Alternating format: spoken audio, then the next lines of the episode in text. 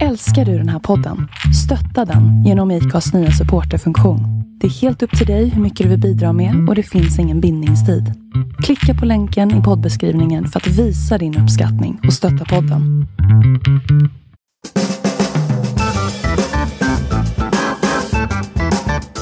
När biet har lämnat kupan så hälsar vi våran tredje gäst välkommen. Tackar, William. tackar. Härligt, tack. Hur är det med dig idag? Men det är bra. Det har varit soligt här också. Jag har Ja. suttit och kollat ut mest, men eh, unnade mig en promenad på lunchen sådär, så det var trevligt. Ja, så du har också fått komma ut och ja verkligen. känna av den här hettan i ansiktet Exakt. lite, den här Fast- vårkänslan. Fast man blir lurad ändå. Det, när man sitter inne på kontoret och kollar ut, då ser det faktiskt varmare ut än Ja. vad det är när man väl kommer ut så här. Ja. Ja. Jag körde strategin, jag har gjort lager på lager-variant, så Ja. jag har sådär 12 plagg på mig. Så Ja. jag håller värmen upp när jag går ut en aning. Ja. Perfekt. Men de säger att man ska väl man ska frysa in vintern och svettas in våren tror jag de säger, Ja. för att inte bli sjuk. Aha. Jag vet inte om det stämmer, men eh, Mm. det kan ha lite, för det blir lite så att man, det är många som eh, går kanske i, ja med korttröja eller någonting. Ja, ja Alltså, men vi eh, pratade om det. Jag hade ett långt möte med en kompis igår. Vi sa det liksom, man, man lär sig aldrig heller. Alltså varje vår, varje sommar. Ja, nu är det varmt, utav sommarjackan på. Ja. Det är ju 12 minus fortfarande. Men, men, Men eh, solen, det ser Ja, ut exakt. som att det är varmt i alla fall. Precis. Ja. Och sen är det det att eh, det är typ en minus nollgradigt på morgonen. Och sen är det helt molnfritt så vet man, åh idag kommer det bli varmt. Ja, och så tar man på sig en tunn och sen fryser man halva dagen innan solen har liksom värmt upp. Mm, mm. Och sen ja, tycker Ja. man det är lite halvokej sen. Ja. Det är lätt. Ja, så det är bra. Men då eh, har du suttit inne det mesta idag? Ja, men exakt. Eh, en del i alla fall, så här, några timmar. Så det var... Men det är ju fin utsikt i alla fall. Kan man titta ut och fantisera om att det är vår. Liksom. Ja, precis. Perfekt. Ja. Vilken utsikt har du från ditt kontor? Åsbogatan. Så jag ser ju liksom, eh, ja, vad ska man säga? Jag ser upp över slottet heter det väl? Och de här, när solen ligger på. Ja, Jag romantiserar det här i efterhand lite så här. Jättevackert att se slottet. Men, ja. Filmscenarion. ja, exakt. Ja. exakt. Ja. Ja, men det är bra. Mm. Du jobbar heltid i Borås, eller du Mm, stationerad i Borås Exakt. varje dag. I, eh, som det ser ut nu i alla fall, det är möjligen att det kan ändra på sig här eh, framöver. Jag, jag är ju affärsutvecklare, vilket innebär att jag blir inkastad i vad som jag uttryckte lite roligt, att det är som att du får praoa varje dag. Ja, det låter jag- inte jag så liksom- fel ändå. är ju på olika bolag. Eh, och, och då kan det ju vara så att det är något utanför Borås också. Men, eh, men just nu så är jag egentligen stationerad här, så att säga. Och eh, det funkar ganska bra. Jag bor ganska nära jobbet så att jag promenerar och jag har andra uppdrag också inne i centrum. Mm. Så att då kan jag liksom typ, promenera runt eh, dit jag ska.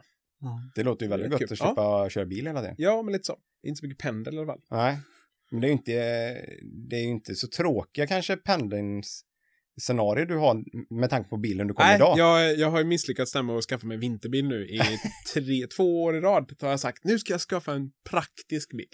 Det, det har inte riktigt löst. Men nu när solen var framme så kände jag, ja, jag vill inte bli sen, då tar vi, då tar vi gammal bil. Ja, ja, men det är bra.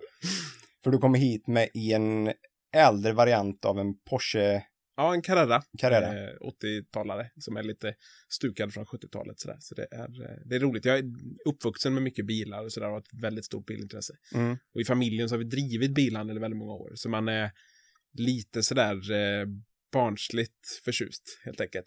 Jag tror du och jag kommer eh, prata mycket bil. Eh, Adam, du får stanna eller du får Då blev det här stoppa oss, bilpodden helt Ja, plötsligt. helt plötsligt. Ja. Därför du, jag är ju, som jag sa i vårat eh, snack förra veckan, att eh, denna intervjun Mm, kommer handla kanske lite om fordon som ligger mig varmt om hjärtat. Liksom.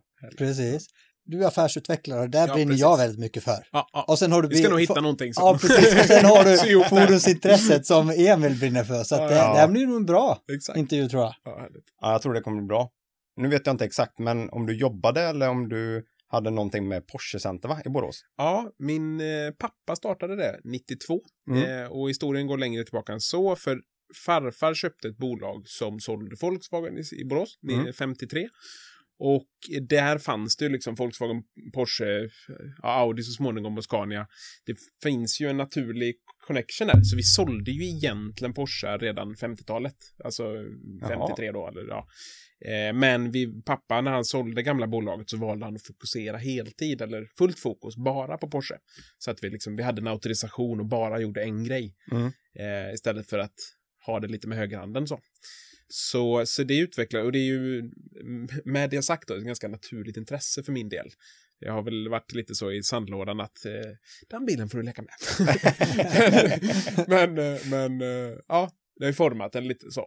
Ja. Eh, Men hur är det att, att växa upp med en far då som har ett väldigt bilintresse just för Porschar eller bara eller är det andra Nej, det, det, det är allt möjligt. Och jag när jag var liten, de, min morbror som också är i bilbranschen, han eh, skrattade åt mig när jag var liten för han höll på att trimma Audis. Och jag Ja, gick ja, varje dag efter skolan och kollade på hans Audi. Han sa, du kan ju kolla på Porschar varje dag och så kommer du hit. och det har alltid funnits en sån där, eh, jag har alltid, ja men jag, jag vet inte, jag har alltid tyckt Du har alltid gått lite om Tyskland va? Ja, det, det, finns, det finns många roliga bilar. Vi, vi kommer nog fastna där länge, men, men eh, så får jag försöka släppa det. Men, men nej, det, det är ett stort intresse och det är väldigt sådär, det är en kul typ, alltså det är kul när någon har en passion för någonting. Och det spelar Mm. inte så mycket roll om det är liksom väskor eller skor eller bilar eller hus eller vad Mm. nu folk kan, eller fiske, alltså vad Ja. du nu intresserar dig för. Mm. Men när någon kan dedikera lite extra och gå igång på någonting så Mm. finns det en liten eh, Ja, men det finns en charm i det. Ja, men som, Ja. som vi pratade innan, andra poddgäster som kanske har jättenischade grejer. Mm. Eh, det, det är ju rätt. Ja, livet är ganska kort och, och det, det händer en del liksom. Men det är kul när någon bara sådär brinner för något. Och i mitt fall så har bilar blivit en sån sak som Ja, men det, det är svårt att släppa. och sen får vi se lite eh, jag kanske vill pyssla med annat också liksom. Men, men, eh, Det gör du ju redan intresse. i och för ja, sig. Exakt, exakt. Ja men det är bra. Men om vi går tillbaka lite, om vi börjar lite med att förklara vem William är. Mm. Eh, uppvuxen, eh, ja, sommarhalvåret ute i Aplared, Frisjön och eh, vinter och, och resten på eh, Bittorp. Så jag är liksom uppvuxen i Borås verkligen. Jag bodde tre och ett halvt, typ fyra år i, i eh, Norrland. Först i Umeå och sen i Sundsvall några år när jag pluggade. Eh, läste industridesign för jag kunde inte sluta rita. Jag har ritat hela mitt liv och, och eh, håller på med det fortfarande. Men eh, ja, jag sökte mig tillbaka egentligen. Jag, har, jag är sladdis in, i familjen liksom, så att jag ville väl tillbaka till familj. Syskonen har små barn och grejer liksom. Det var väldigt Mm. kul att komma hem helt enkelt. Så eh, jag är sån där born and raised här liksom. Eh, och har aktivt faktiskt sökt mig till Borås. Mm. trots, trots möjligheten att fly. Så, så jag är väldigt så här pro stad faktiskt. Mm. Och ehm, nej, men så jag, jag eh, har väl rört mig kan man säga runt, runt om här i bygden mest Mm. liksom i livet.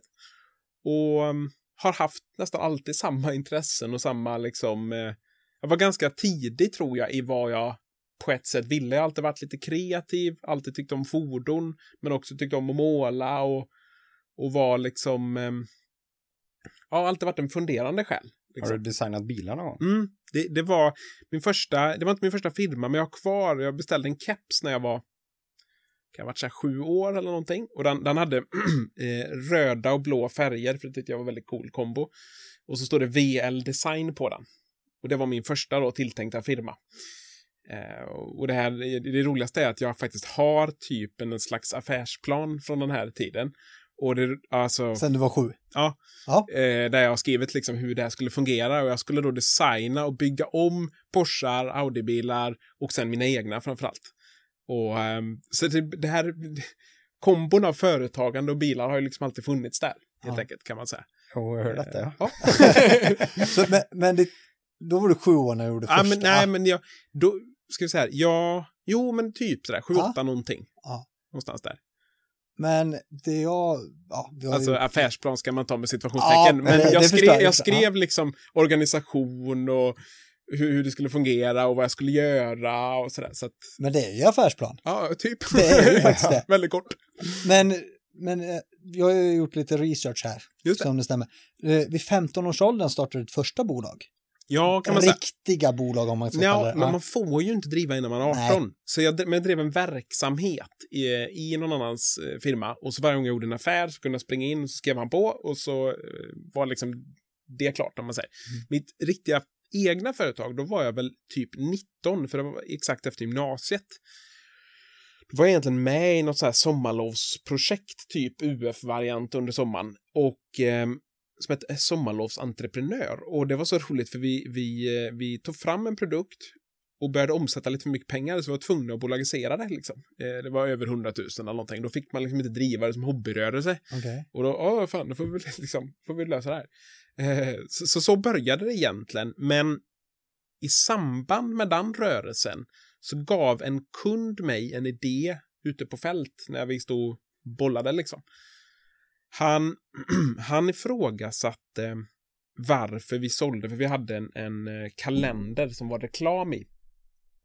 Och vi hade ganska många studenter som vi distribuerade det här till. Ett par tusen, 4500 första året och sen växte det. Eh, och han undrar liksom, men varför säljer du inte till de här studenterna? För du har ju 4000 köpande kunder. Han hade fått 500 vecka ett av att vara med i vår kalender. Liksom. Ja, fast det är ju ingen som köper via en kalender tänkte jag. Så men kom hem den eftermiddagen och klurade lite och insåg att det finns ingen renodlad studentbutik.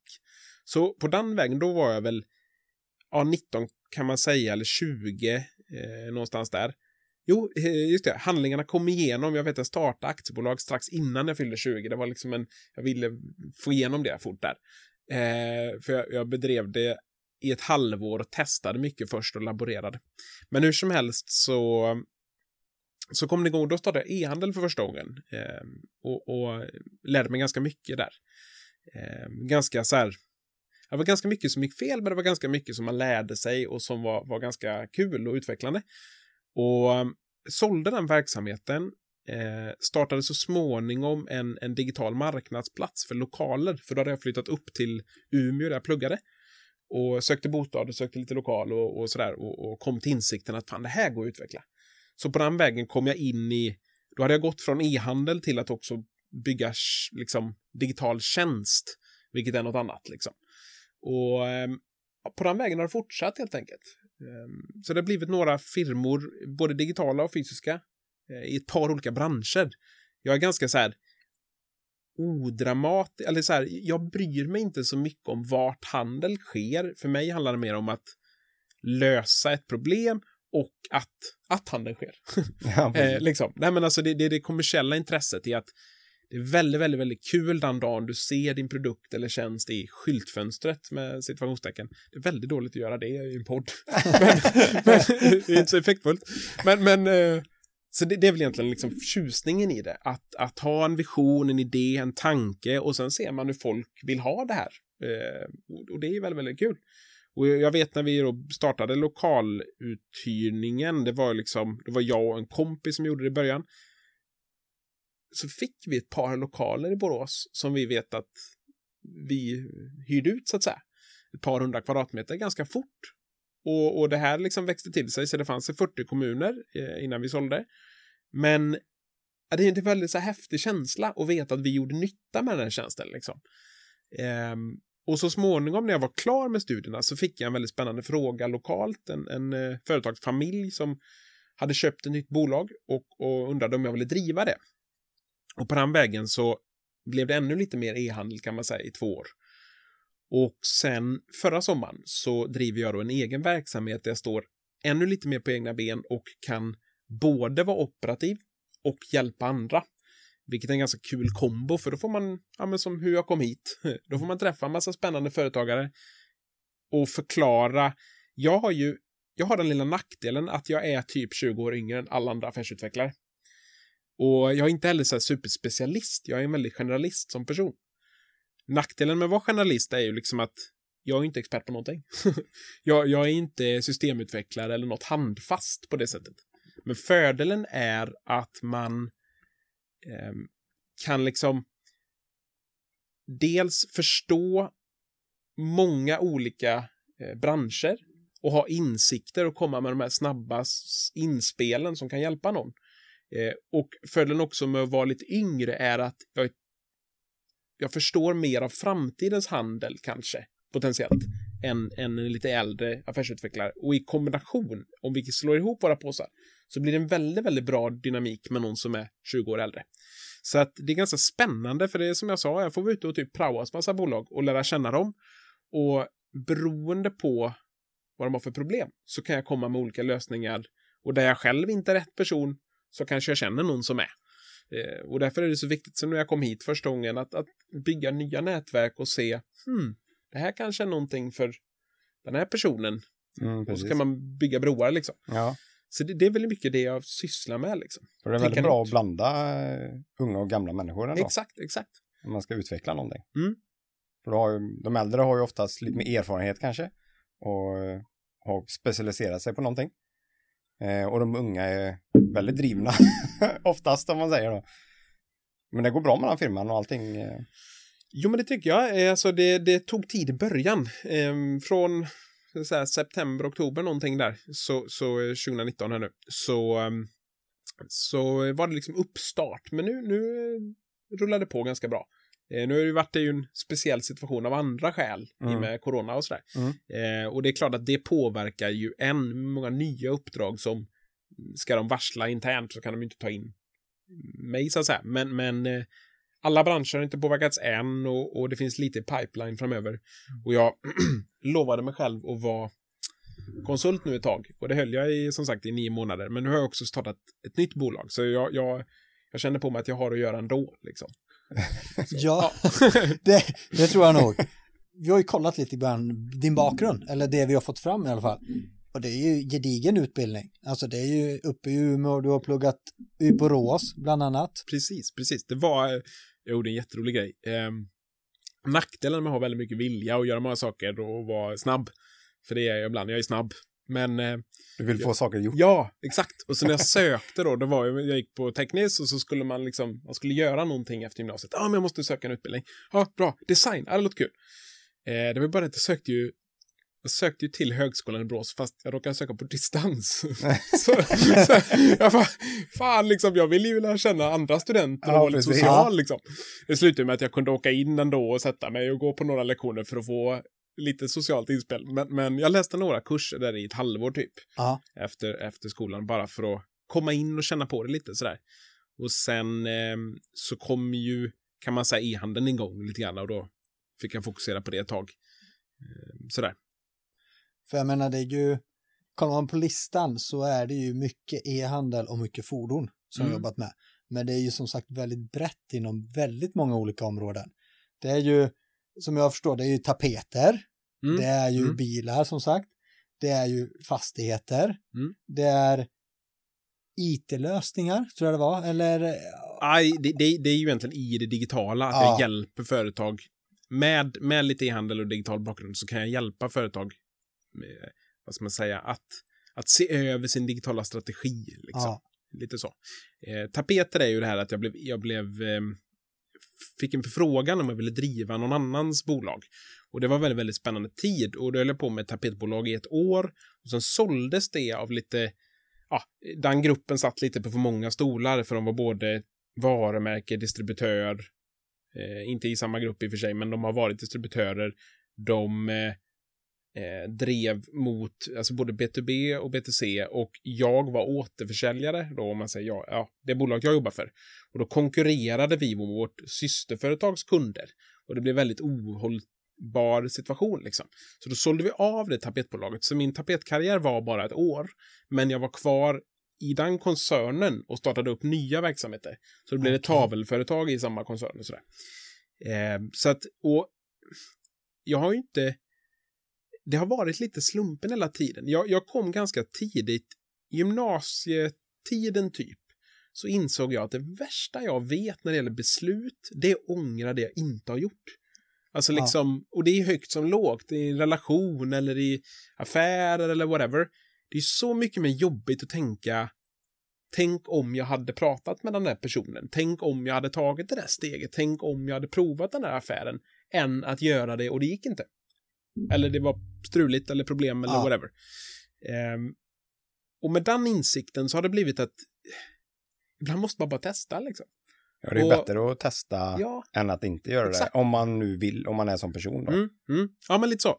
Och fastigheter är vi ju ytterst ringa omfattning. Alltså det, det är en liten familjeverksamhet som nu har vi, vi sålde då för snart tre år sedan. Det går jävligt fort. Eh, och då har vi liksom startat om lite. Och sen historiskt sett, om man säger så, så har det varit dels, ja det har funnits många skäl, men, men en bil som produkt är en ganska stor sak. Då måste man garagera den någonstans och då har det blivit naturligt att man haft lite hus. Alltså så. Mm. Ehm, och också för själva rörelsen i sig, alltså rörelsedrivande fastigheter liksom. Men, men sen har det också, så det är en ganska ringa omfattning. Ja. Eh, och, och sen hamnade jag i skog lite grann 2000, i december 2016 startade jag ett bolag. Mm. Eh, och det, det, är också en sån här, det är egentligen en slump, men det är en väldigt rationell affär så tillvida att det är någonting, dels då, nu har vi ett fint träbord där framför oss. Eh, dels så behöver vi trä i hus och möbler och allt runt omkring. Men sen finns det så mycket som för mig är grädden på moset. Det är ju innovationen, vad som kan komma. Mm. Alltså när spillmaterialen börjar bli bomullsersättning eller när vi börjar ersätta plastflaskor som vi annars slänger i haven eller när vi börjar ta fram oljor via rötter och, och spillmaterial. Då börjar skog bli riktigt spännande. Eh, och så kom jag över kom över lite mark i, i Baltikum. För jag hade en kompis som höll på med affärer där och på den vägen så, så vart jag så här, fan jag måste vara med. Det är ju jättespännande det här. Du ser, det är bra att känna folk. Ja, my point. Nätverk är skitbra. Och, och på den vägen så börjar vi med det och det har sen lett då till ytterligare bolag så att det blir ju, det är ju, vet ni själva, höll jag på att säga, att, att liksom, det blir ju lite så, ibland måste man bara in och prova en bransch. Mm. Och en sån, lika läskigt som det är att starta företag i olika länder, vilket jag har ägnat mig åt, det är ju lika, lika kul är det när du ändå jobbar med en fysisk fast produkt. Alltså, jag har vid mer än en handfull gånger varit och kollat i min skog, gått och nosat lite liksom och knackat i träden. Och det är ju något, det är något väldigt, väldigt fysiskt. Ja, verkligen. Ehm, även om liksom juridik och allt, alla de här tråkiga grejerna är, är svårare kanske, eller meckigare och finansiering ska vi inte tala om för lånebiten är ju väldigt liksom. Men, men man får vara lite kreativ och hitta lite lösningar och, och sådär. Eh, men det är väldigt, väldigt kul att lära sig om nu ska inte jag prata allt för länge, men en sekvens som var kul. Vi var, vi satt i en bil. Jag hade varit och kollat på en skog upp eh, lite, jag ska inte säga berg, men vi var lite högre upp. Så kom vi åkande på en gammal stig, detta är då i Baltikum, i Litauen som vi var. Och så möter vi en gammal tant. Det tycker jag är så talande historia för hur, hur konstigt det är att göra affärer i nya länder. Vi mötte en gammal tant och vi då, glada svenskar, vi så här vinkade lite glatt sådär. Och hon nästan hytte med näven och fick ur sig något argt. Vad, så här, vad hände liksom? vad, vårt enda syfte var ju hälsa för att avväpna situationen. Vi är väldigt snälla liksom. Och det vill vi gärna kommunicera. Men, men hon eh, blev, och då fick vi höra i efterhand liksom att det var någon sån här framförallt kanske lite äldre människor som lever lite isolerat, så sitter det kvar lite som Sovjettiden. Att de är, eh, de tycker inte om främlingar och de tycker framförallt inte om när främlingar hälsar. Så det Nej. var liksom förnärmande, det var otrevligt av oss att hälsa. Och, och det hade man ju aldrig trott. Nej. Att man kan förolämpa någon genom hälsa. Liksom. Det är ju, det är ju Det var nytt. Nej, exakt. Och, och sånt tycker jag är väldigt kul, att ju mer, ju mer affärer du gör på nya platser och ju mer människor du träffar på nya platser eh, med olika bakgrunder. Eh, det är ju, eh, ja, jag driver som sagt ett nytt projekt nu där, där eh, juridiskt så är inte folk fattiga i Litauen exempelvis då, för de, de har ju, det är ett EU-land och de har liksom Mm. bra standard. Men har du varit ute och besökt ett par bönder så har man lite svårt att säga att de inte är det. Jag håller på nu då med, med sätter träd på samma sätt som man ofta gör i Afrika. Och där Mm. pratar man om att ja, men om du klimatkompenserar i Afrika så hjälper du fattigdom. Mm. Den, den meningen kan inte jag använda eh, i Litauen. För rent on paper så är de inte fattiga per definition. Okej. Men det är ju ändå... Ja, det, det blir lite så här... Det är ju det. Det känns som det eller så. fattigare där än Sverige i alla fall. Ja, eller liksom det finns mycket att utveckla och framförallt att lära folk att, att liksom ta hand om det är lite så här, får de en penningpåse så går de och köper sig en BMW, men de, de bor fortfarande i det där rucklet och lägger inte om taket. Så de har inte vår, eh, om, om vi tar den svenska kulturen och om man går till det här gamla småländska, liksom, vi har ju haft sten i backen och inte haft så lätt att odla och Mm. alltså, Ja, vi, vi är ju inte vana vid att plocka frukter av träd direkt i Sverige, så vi är ju vana vid att, eh, ja men som nu, nu är det en kristid. Eh, historiskt sett Sverige har varit väldigt, väldigt duktig på att hantera problem, för man är inte van vid att få något gratis. Och vi har haft mycket problem Mm. under, vi varit rika i hundra år, men innan dess var det ganska jobbigt liksom.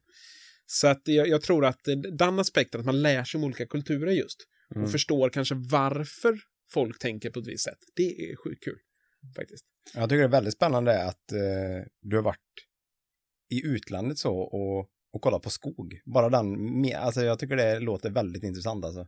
Ja. Att få, få den idén. Ja, det, det, det är sagt, det var inte egentligen min idé direkt. Jag är mest öppensinnad för att hoppa på. Ja. men men eh, det, det, är ganska, det är ganska rationellt det här just att ja men som sagt, skogen är någonting vi ändå har brukat i många hundra år. Och eh, vi kommer fortsätta att göra det. Och det ser man ju bara, det kommer ju bara mer och mer sådana här typ engångsartiklar. Mm, Det bara strömmar ju in träprodukter istället för plast. exakt. Men mer specifikt, vad gör du? Alltså du planterar träd. Alltså, eller den biten, det, det är det du gör i... Nej, ut- alltså, Nej. eh, eller ja, eh, både och. Ja. Nu eh, startar jag ett nytt bolag som kommer göra det. Vi kommer jobba med eh, hjälpa företag att både ta ett grepp och, om man säger så här, koldioxidbinda, det vill säga att man liksom kompenserar lite för vad man har släppt ut. Mm. Och vi har hittat en modell där de kan både då vara miljövänliga och vara med och tjäna lite pengar under tiden liksom. Så att man liksom har ett väldigt tydligt incitament varför du ska jobba med oss. Och vi jobbar också väldigt lokalt. Vi jobbar i Sverige och vi jobbar i Litauen. Och vi anlitar bara liksom arbetskraft från de regionerna man är i. Så, så det finns ett par städer då i Litauen där vi sedan tidigare har lite marker och då ska vi eh, kanske börja där. Så det är tanken. Men sen, sen tidigare då, det jag, det jag har gjort eh, de två och ett halvt eller tre åren där jag har hållit på, så har det varit säger, vanlig, van, vanlig markförvaltning. Ja. Liksom. Man köper en skog och så tar man hand om den och, och eh, gallrar och avverkar när det har gått 70 år. Ja, Så det är ganska långa cykler liksom. precis. Och, och, och det är väl lite det roliga då när man kan komma in i en ganska milt uttryckt konservativ bransch så kan man liksom komma med nya idéer. Eh, Det är lite som när vi höll på med lokalförmedling och sådär. Och också ganska, ja men det är mycket så här, så här har vi alltid gjort. Punkt. Ja. Och jag tycker inte att det är ett argument. Nej. Här, det, det, det kanske är så, men det betyder inte att vi inte kan göra något nytt. Liksom. Det är då du börjar komma på ny, nya idéer och allting. Nej, men det, det liksom, då går det ju att utveckla om, om, om det är enda argumentet till varför man ska göra på Ja. ett visst sätt. Då måste det ju finnas liksom nya tag, tänker man. Eh, och det är kul med de här branscherna att det är ganska, ja men det, det går ju att skruva på liksom. Men egentligen kan man säga att jag står på ett par olika ben varav hållbara eh, investeringar eller hållbara affärer eh, har väl liksom blomstrat upp och det, det är väl egentligen det jag håller på med. Ja. Eh, mångt och mycket i alla fall. Det vi märkte är att du, du är en serieentreprenör för du har redan startat, sålt och väldigt många bolag och har gått in som extern styrelsemedlem och den biten. Och det vi inte har nämnt är att du är bara 29 år. Ja, precis. Och du, alltså det alltså, det är ju ändå Jag har ganska... inte fyllt än, gör mig inte äldre. Nej okej, 20, förlåt, be, ber om ursäkt. Ja, det är viktigt här. 28, du blir 29 Nej, år. 30-årskris. Ja, men det är just att du ändå hunnit med otroligt mycket under den tiden du har varit. Men sen har du varit igång väldigt tidigt vet jag också. Du har ju, men jag tänkte, var kommer din entreprenöriella sida ifrån? Är det, var du, när du var ung, det har du pratat om lite grann, men när du var ung, då bestämde du, jag vill jobba som entre, jag vill vara entreprenör, jag vill skapa någonting.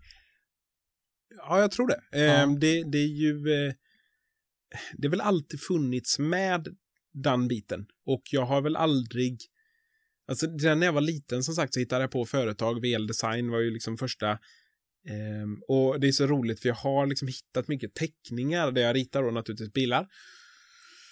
Och så också skrivit ner då mina firmors namn sådär med Ja. logotyper på de här teckningarna. Och eh, det har liksom, det har funnits med sen, sen, ja, sen jag började rita, sen jag kunde det, eller vad man ska säga. Ehm, och, och det är väl mycket den här kombon av någon slags, även om man inte tänkte så som barn, så är det ju någon slags frihet och skapande grej det handlar om. Alltså att Mm. få, få, få vara kreatör och själv få, få vara med och liksom forma.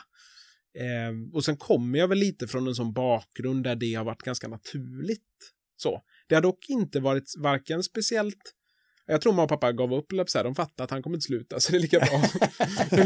Låt honom liksom. Men det var inte så att, att det förväntades eller så, utan eh, det är väl mer att jag har, jag har aldrig träffat min farfar, men med pappa då i alla fall så har jag liksom vuxit upp med någon som är väldigt ja, väldigt driftig och väldigt liksom framåt och, och vill väldigt mycket. Och jag har liksom fått höra mycket av det som hände tidigare och, och förstått att Alltså, det har symboliserat någonting då. Min, min farfar var eh, liksom rallarson. Hans pappa la järnväg liksom. Mm. Det är inte det flashigaste du kan hålla på med. Eh, men han var ganska driftig ganska tidigt också och byggde en verksamhet som idag är ganska stor. Alltså de, de eh, många hundra anställda och omsätter ganska många miljarder i, idag. Nu har de väl köpt upp och konsoliderat och blivit större ändå liksom. Men, men ändå ett stort företag. Och, eh, och pappa gjorde samma kan man säga. Han byggde upp och sen så raserade det lite och sen byggde han upp igen. Och han har varit ganska framåt länge. Och en sån insikt jag kom var ju bara att ja, men om den generationen kunde, om vi pratar efterkrigstid, om vi pratar de som byggde firmor på typ 40-talet, 50-talet. Mm. Om de kunde med de förutsättningarna de hade, då borde ju fan jag också kunna liksom. Ja, det har alltid varit en sån här trigger att kanske lite jag ska visa dem och eh, framför allt Alltså, det, det, var en sån här grej, det, när jag tog det jobbet som jag berättade om med tapeterna så var eh, ett av skälet var att eh, han som drev bolaget är som jag, han är sladdis.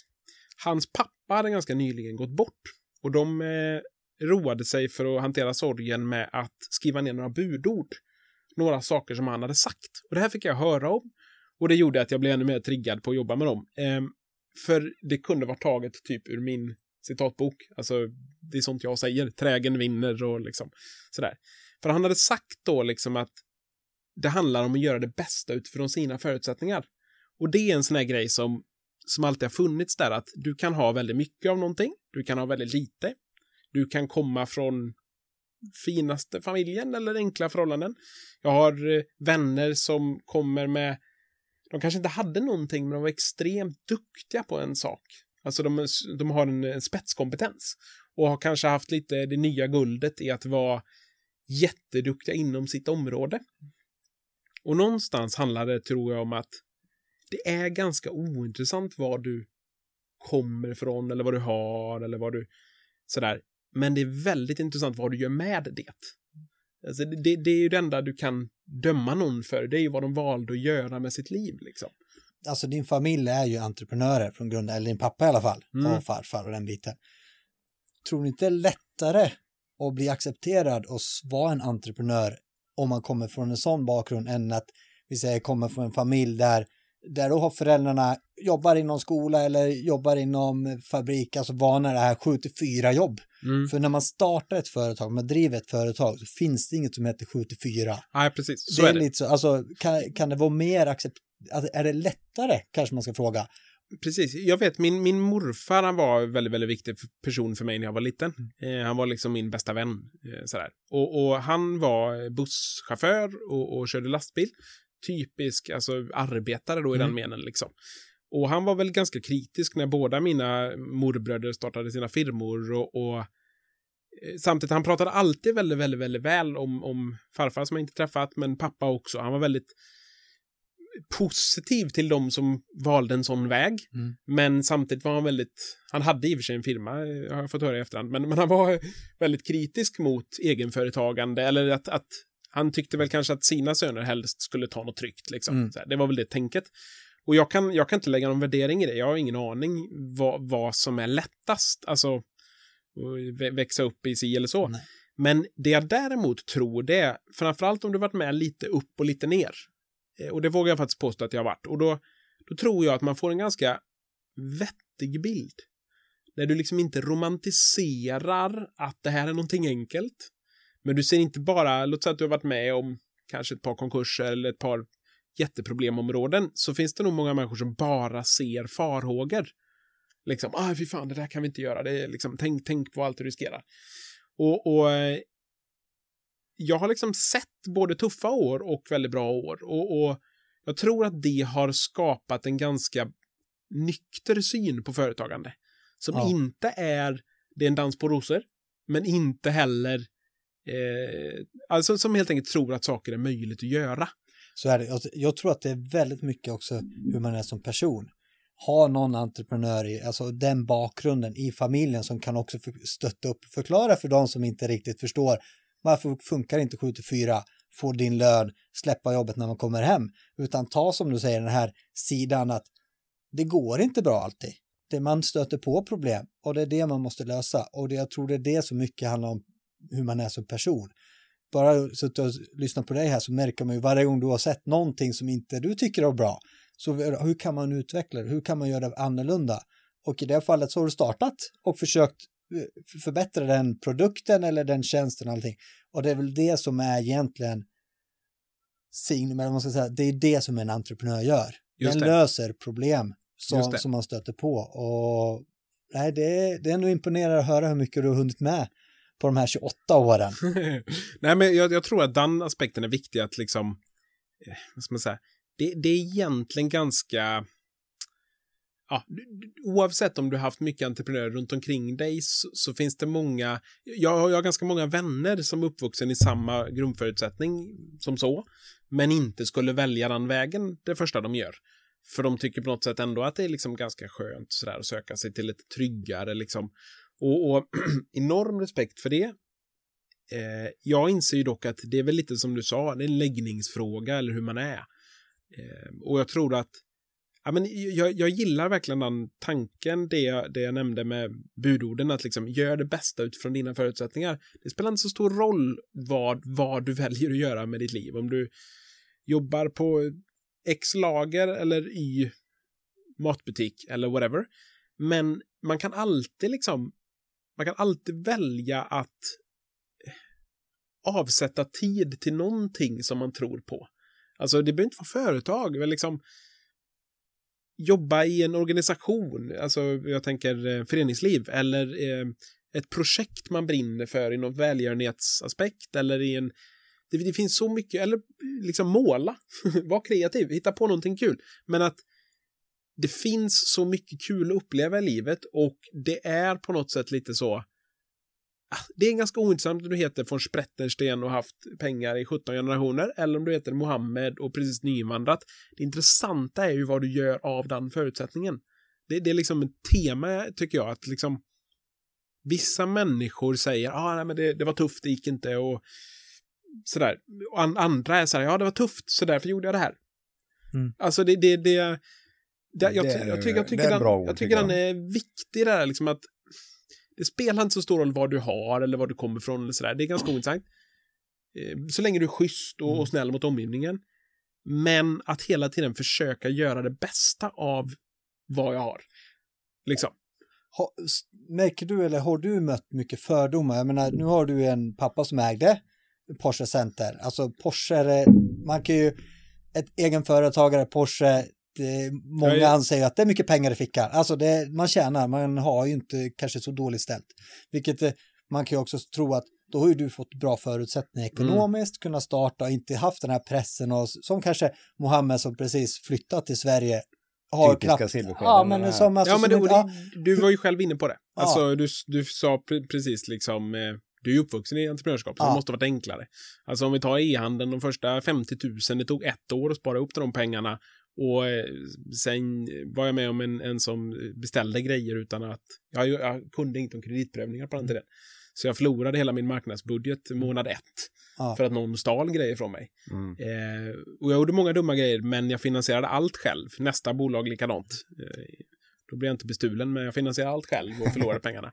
Eh, så att, ja, jag förstår det. Och jag tycker ju om ibland att klämma i en kavaj och, och kamma håret bakåt och, och nu har jag också en sportbil. Mm. Det är ju hyfsat stereotypiskt. det är, Ja, det är liksom vi, ja. ganska lätt att sätta Ja. ett fack där. Och det är klart att man får mycket sånt, men det, jag är tillbaka till det. Alltså det. På något sätt så här, om någon inte vill lära känna personen William utan att skriver av mig som han är en sån, då vill jag ju inte ha dem i mitt liv heller. Liksom. Nej.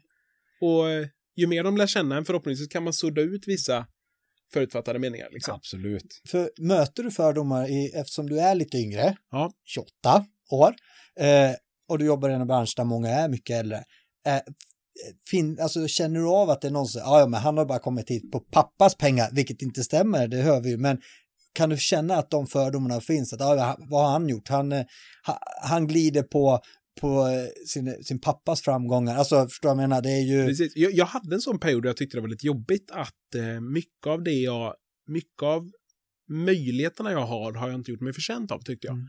Och så reflekterade jag på det och så kom jag till den glada insikten att det var samma för pappa, så det var skönt. Men, och, då, och då är jag ju tillbaka i liksom det här tank, tanket att det är ju ganska ointressant. Alltså det spelar inte så stor roll vad du har för grundförutsättningar. Det intressanta är vad du gör med dem. Mm. Jag menar, jag landar mycket i det att liksom det, det måste vara det intressanta. Mm. Vad man väljer att liksom eh, ja, utifrån, utifrån ens nuläge och det är likadant när man har gått igenom något jobbigt privat eller liknande. Mm.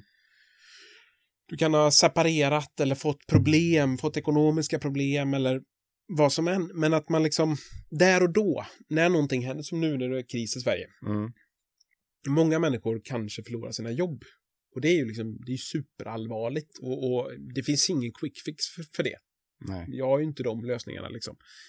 Eh, och där får man ju, alltså, när en närstående eller någon i ens omgivning har det så får man bara möta med förståelse och liksom, eh, det vet jag själv, jag har många gånger sökt jobb och, och, och ett av skälen för att jag drar igång bolaget. Ingen som anställer en.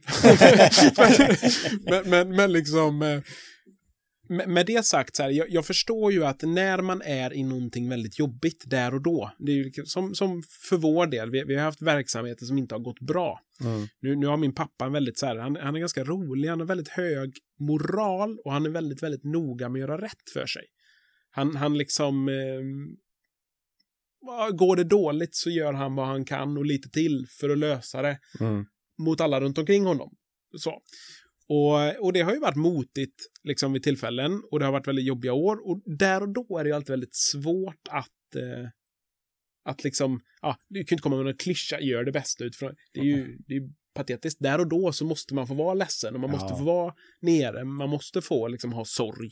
Så all respekt för det.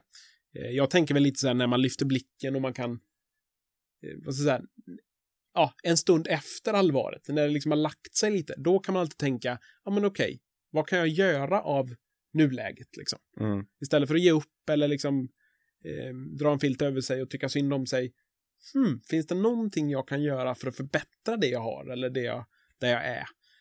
Ehm, och, och ja, men jag vet inte, det, det har nog format mig. Jag har någon sån här småländsk påbrå och bilanlasson. Det blir någon kombo i det liksom. Att man, man eh, ja, man, man, man lite fight och man Ja, liksom, precis. eh, är det tufft så då är det det. Men sen kommer man igen liksom. Men det är just det, det är de tuffa bitarna man lär sig av också. Och som du precis nämnde, att man reflekterar bakåt. Vad, vad har jag lärt mig? Vad, vad kan jag förbättra? Det är ju det du har som affärsidé idag, kan man säga. Ja, men Du, precis. du precis. hjälper ju bolag oavsett om det går bra eller dåligt. Men går det bra, okej, vad ska vi tänka på för att fortsätta gå bra? Går det Mm. sämre, okej, hur kan vi göra för att vända på det här? precis. Du har ju de verktygen. Mm. Trots din ringa ålder så har du ju de bitarna och det är ju just på grund av att du har haft fördel. Sen att du, du är ändå uppvuxen i en entreprenörfamilj och vet att det är ju inte bara för att man driver företag då är man inte rik familj. Alltså Nej, precis, precis. den biten, Nej, det är ju nej. den biten många tror att ja, du driver eget företag, du har massor med pengar. Så behöver det inte vara. Utan det fin- vi vet ju att det är oavsett hur bra det går så har det med likviditet att göra. Det kan vara 24 kan vara problem att betala ut lönerna Jo, på grund av att pengarna har inte kommit på kassan på grund av den kunden inte har betalat i tid och den biten. Så att det, det, det är det Mm. eviga Ja, det, kämpandet att exakt. driva. Och det är det jag tror en, en entreprenör brinner, alltså brinner för. Utmaningen och just det här, skapa någonting som är bättre. Se till att lösa problem direkt vi stöter på. Okej, hur kan vi lösa detta? Och inte lägga sig i sängen, dra över täcket och tycker synd om sig själv. För då når man inte så långt. Det är ju så bara. ja, men så är det ju. Absolut. Och du har ändå gjort ganska bra ifrån dig, får man tycka. Eh, och kollar man på priser så har du ju ändå vunnit en del priser. Mm, några enstaka så här, eh, det var väl också lite PR-grej att man vill vara med i mycket tävlingar när man var nystartad och ung, liksom, Ja. framförallt. Eh, Så här Venture Cup och, den typen av grejer. Du kommer placera in Young Star, alltså under 30 var det väl? ja, det, det var någon så här eh, årets studententreprenör, Ja. Global Student Entrepreneur Award. Ehm, och eh, jag har inte vunnit någonting egentligen, jag blev tvåa helt enkelt. Ja, Jättejobbigt. Nej, men och då, då var det så här, då var vi fem stycken som togs ut i en Sverigefinal liksom. Ja. Och, och den som var bra med det var ju mycket, ja men lära sig, vad ska man säga, ja, men eh, just pitchandet och Ja. liksom eh, få- få liksom, just den tävlingen vet jag var på SAP 46 som var lite hett i Stockholm med så här hubb, Ja, företagshubb.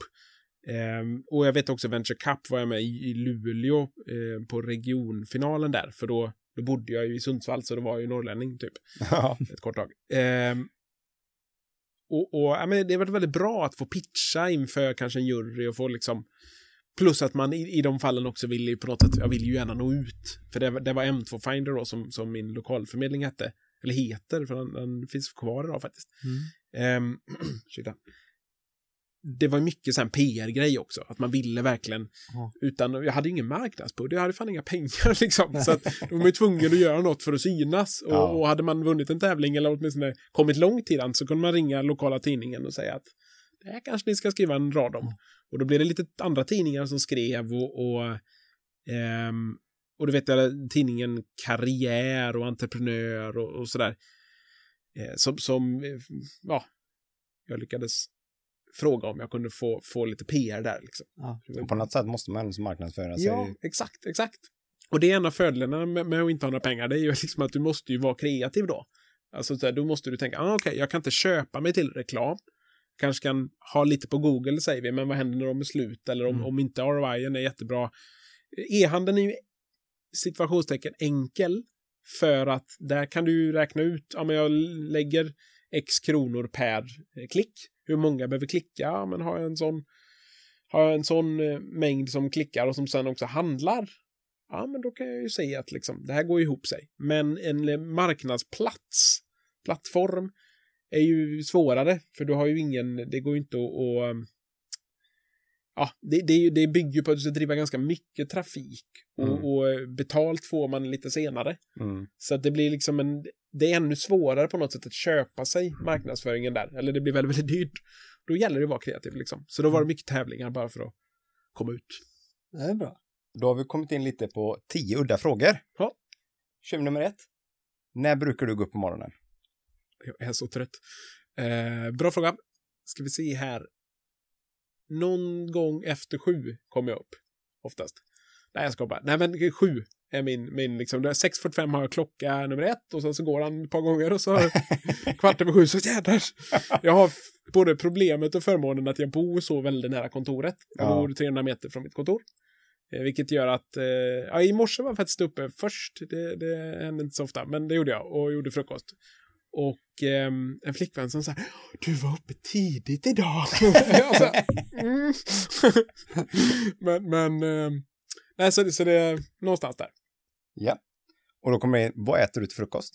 Idag var det gröt. Det var till och med gröt med lite blåbär och eh, någon frön och grejer på. Så det var. Är det havregrynsgröt ja, eller? Ja, havregrynsgröt. Det är inte sån här risgrynsgröt eh, med mycket socker i. Utan... Nej, nej, det är faktiskt en riktig... Jag försöker ställa om. Jag har, liksom, jag har missförstått de här koncepten. Jag, jag har aldrig tränat hela mitt liv och så träffar jag en tjej och så börjar jag träna. De flesta är ju åt andra hållet liksom. och trappar ner. Nej, jag vet inte. Jag, det, ja. Den här sambokroppen, det åt fel håll detta. Nu är det ju den här epidemigrejen så nu vågar man inte gå ut ändå liksom. Nej. Men eh, annars har jag börjat tänka på vad jag äter och vad jag liksom ska röra på, eller försöka i alla fall. Nämn en sak som de flesta inte vet om dig. Ja, men konstnärsbiten har jag varit inne på, men eh, ja, jag beställde faktiskt, eh, ska vi se här vad de heter, det heter ju det är lite rör. Jag beställde ett rör till en altsaxofon. Samlat damm nu i 10 år, 15 år kanske. Jag spelade i orkestern när jag var liten. Eh, och, och eh, till skolkamraters förträt liksom, för det lät väl inte alltid fantastiskt. Men, eh, men i alla fall, så nu beställde jag den lilla reservdelen som behövdes för att få liv i den här. Så Ja. att, eh, sen någon dag tillbaka så har jag försökt att blåsa liv i den. Tyckte jag var kul.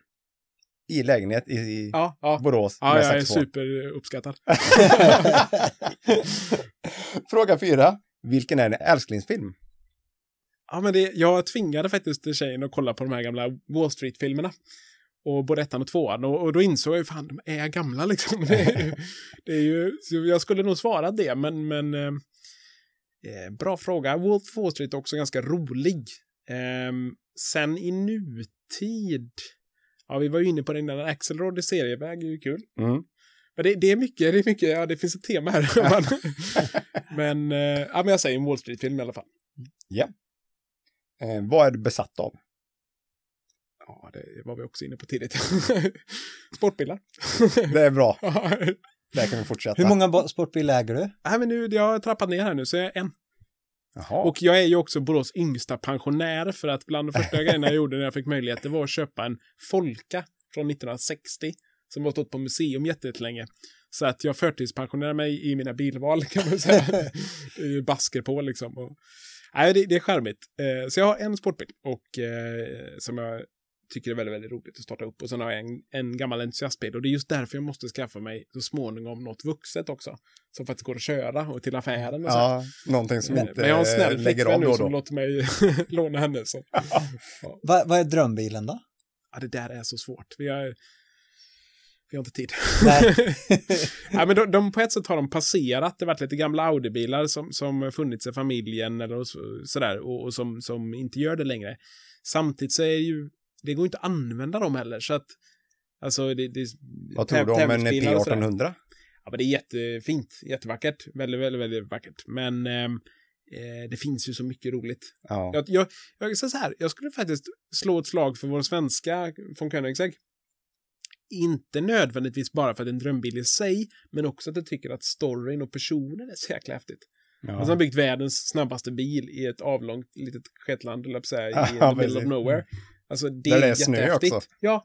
ja, men det är så här, det ska inte gå att göra det de har gjort. Och nu byggde de en familjebil dessutom som är fantastisk liksom. Ja, häftigt. Beskriv en perfekt dag för dig. Om du får Det är det här vädret. Eh, Det kan jag nog eh, direkt säga. Vårväder. Ja, vårväder. Liksom. Solen är framme och blå himmel. Eh, riktigt bra kaffe. Man kan sitta ute lite. Man kan jobba lite försiktigt sådär och sen gör man lite ärenden och ja. Eh, kanske låter- hitta på någonting lite kul sportmässigt eller sådär. Ja. Och kolla på någon eh, veteran eh, sportbilsträff. Jag, jag tänker mer snarare att man typ spelar tennis och så tar man sportbilen till tennisen. Ah. Där, då har man slått ihop både lite nyttigt och lite roligt och så någon kurvig väg, eh, gärna lite i skog. eh, Ja, Det låter ju jättebra. jag går igång på tanken här nu. Liksom. Hur går du helst klädd? Ja, jag, jag är väl lite sådär, um, ja, men jag har alltid tyckt om att klä upp mig liksom. Så att jag, Mm. fast jag, jag, det är lite antingen eller. Det är nästan antingen t-shirt eller uh, finskjortan på liksom. Mm. Ehm, men eh, ja, jag, jag trivs ganska propert sådär liksom, Mm. tror jag. Ehm, ja, Kulglass eller mjukglass? ja, det är viktigt. Det här är viktiga frågor. Nu är vi Ja. inne på sånt jag bryr mig om på riktigt.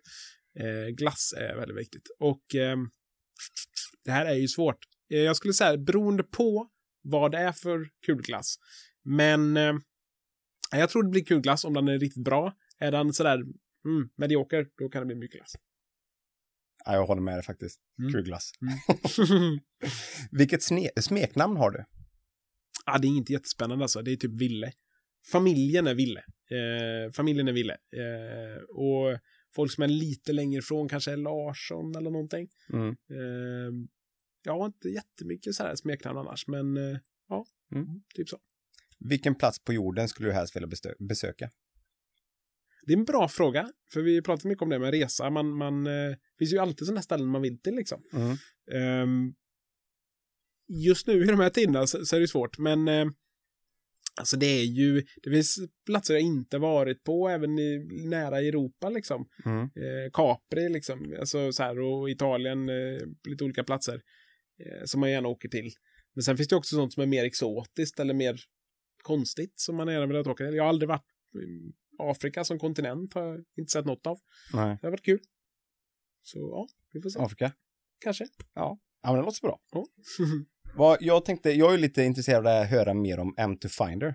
Mm. Vad det är för något egentligen. För jag har läst lite om det och det låter väldigt spännande. Ja, vi byggde en lokalförmedlingsplattform som var eh, precis som Objektvision eller Lokalnytt eller Lokalguiden. Mm. Och så skulle vi tweaka den lite. Betalningsmodellen var annorlunda, så vi tog inte betalt av fastighetsägarna primärt. Vi skulle ha annonser till viss del och så eh, skulle vi jobba med provisionsbaserat också så att det ibland kunde ta en kickback när vi hyrde ut en lokal. Mm. Och höll på med detta då kan man säga från 2014 till 2017.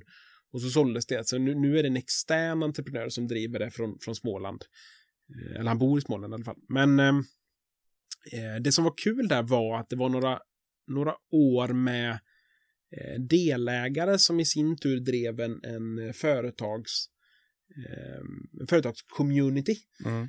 Eh, och, och, och det var väldigt lägligt för då förstod man liksom hur vår idé var ju att applicera deras trafik. De hade 50 000 besökare varje vecka. Mm. Och så skulle vi liksom lägga det på M2 Finder. Eh, det var ganska svårt det där. Alltså att få folk att och, ja, vad ska man säga, internlänka och få folk att liksom komma över. Eller om man säger, de som sökte sig till deras eh, företagscommunity ville läsa artiklar och de ville göra ett antal saker. Men eh, jag hade nog, jag var nog lite naiv i tron eh, ja, att man skulle kunna konvertera trafiken liksom. Mm. Sådär. Så att, eh, men, men en ganska bra, bra eh, verksamhet och framför allt var den rolig för den öppnade liksom nya dörrar och nya, lite som min första e-handel som var studentverksamhet, studentgrossisten. Den gav mig så småningom jobbet där jag drev tapethandel Mm. indirekt eh, för att jag lärde känna eh, den andra e-handlande eh, företagarfamiljen den vägen. Ja, Så det är liksom kul, för det är inte alltid det du gör blir fullt ut rätt. Men det kanske öppnar tre nya dörrar liksom. Ja, Så, så, så var väl lite ja resan där. Ja. Och M2 står ju för kvadratmeter. Ja, och vi hittade, eller hjälpte folk att hitta. Ja. ja, men det är bra, för då är det lite tre tips för att lyckas med det du har gjort till, våra, till de som lyssnar.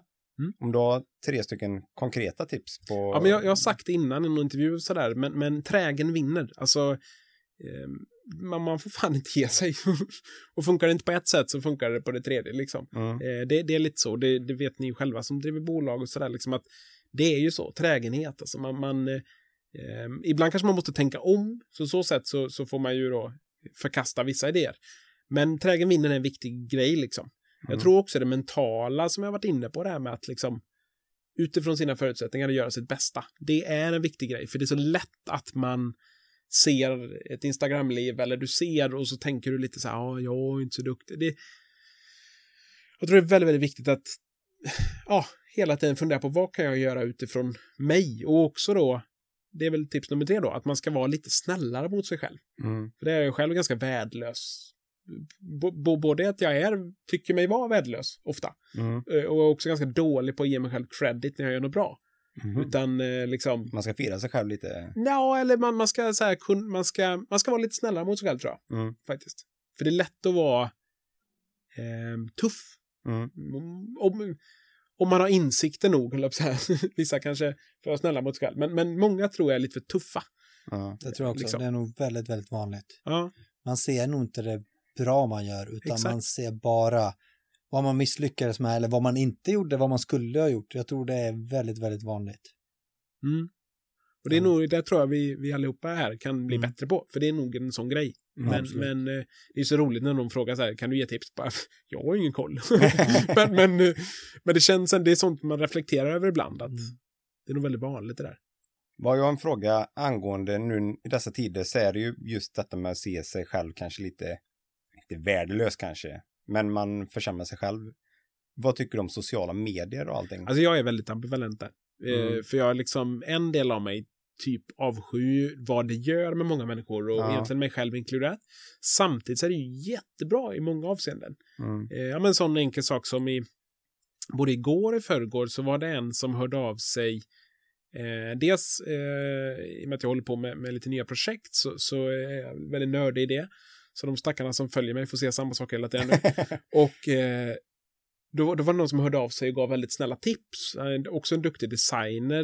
Eh, och så kom han med, ja men du borde göra så här, tänk på det, gör det, det, det. Ja, bra. Eh, och ytterligare några dagar innan det så hade han gått ut och börjat söka ett jobb. Eller liksom en sysselsättning, för han eh, skulle, eller jag tror han har sagt upp sig och var väldigt så här, fan, vad ska jag göra nu då? Så.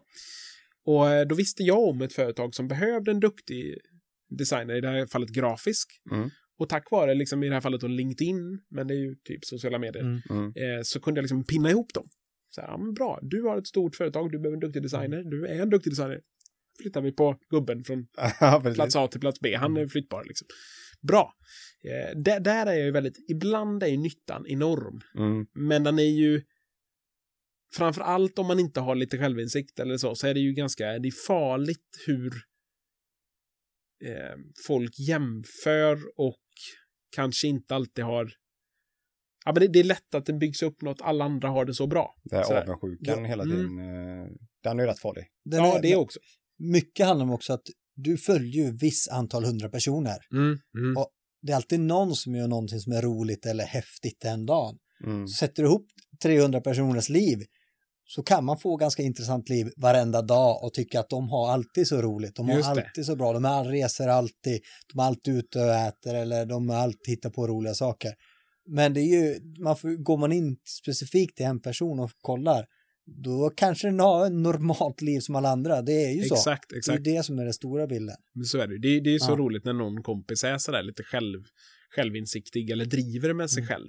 Som lägger ut, eh, jag, jag vet en som hon lägger ut hela tiden allt som är dåligt, eller när saker går åt helsike, Ja. så har hon gjort en grej av att lägga ut det. Ja. Och man uppskattar det rätt så mycket så här, ja idag var jag på Ica och när jag gick ut så regnade det och papperspåsen liksom gick i tusen Ja. bitar och allt jag hade handlat gick ut så här. Alltså det, det är ju lite kul, för det är så livet egentligen är. Så, Mm. liksom. absolut. så det är en motkraft mot det här perfekta. Liksom.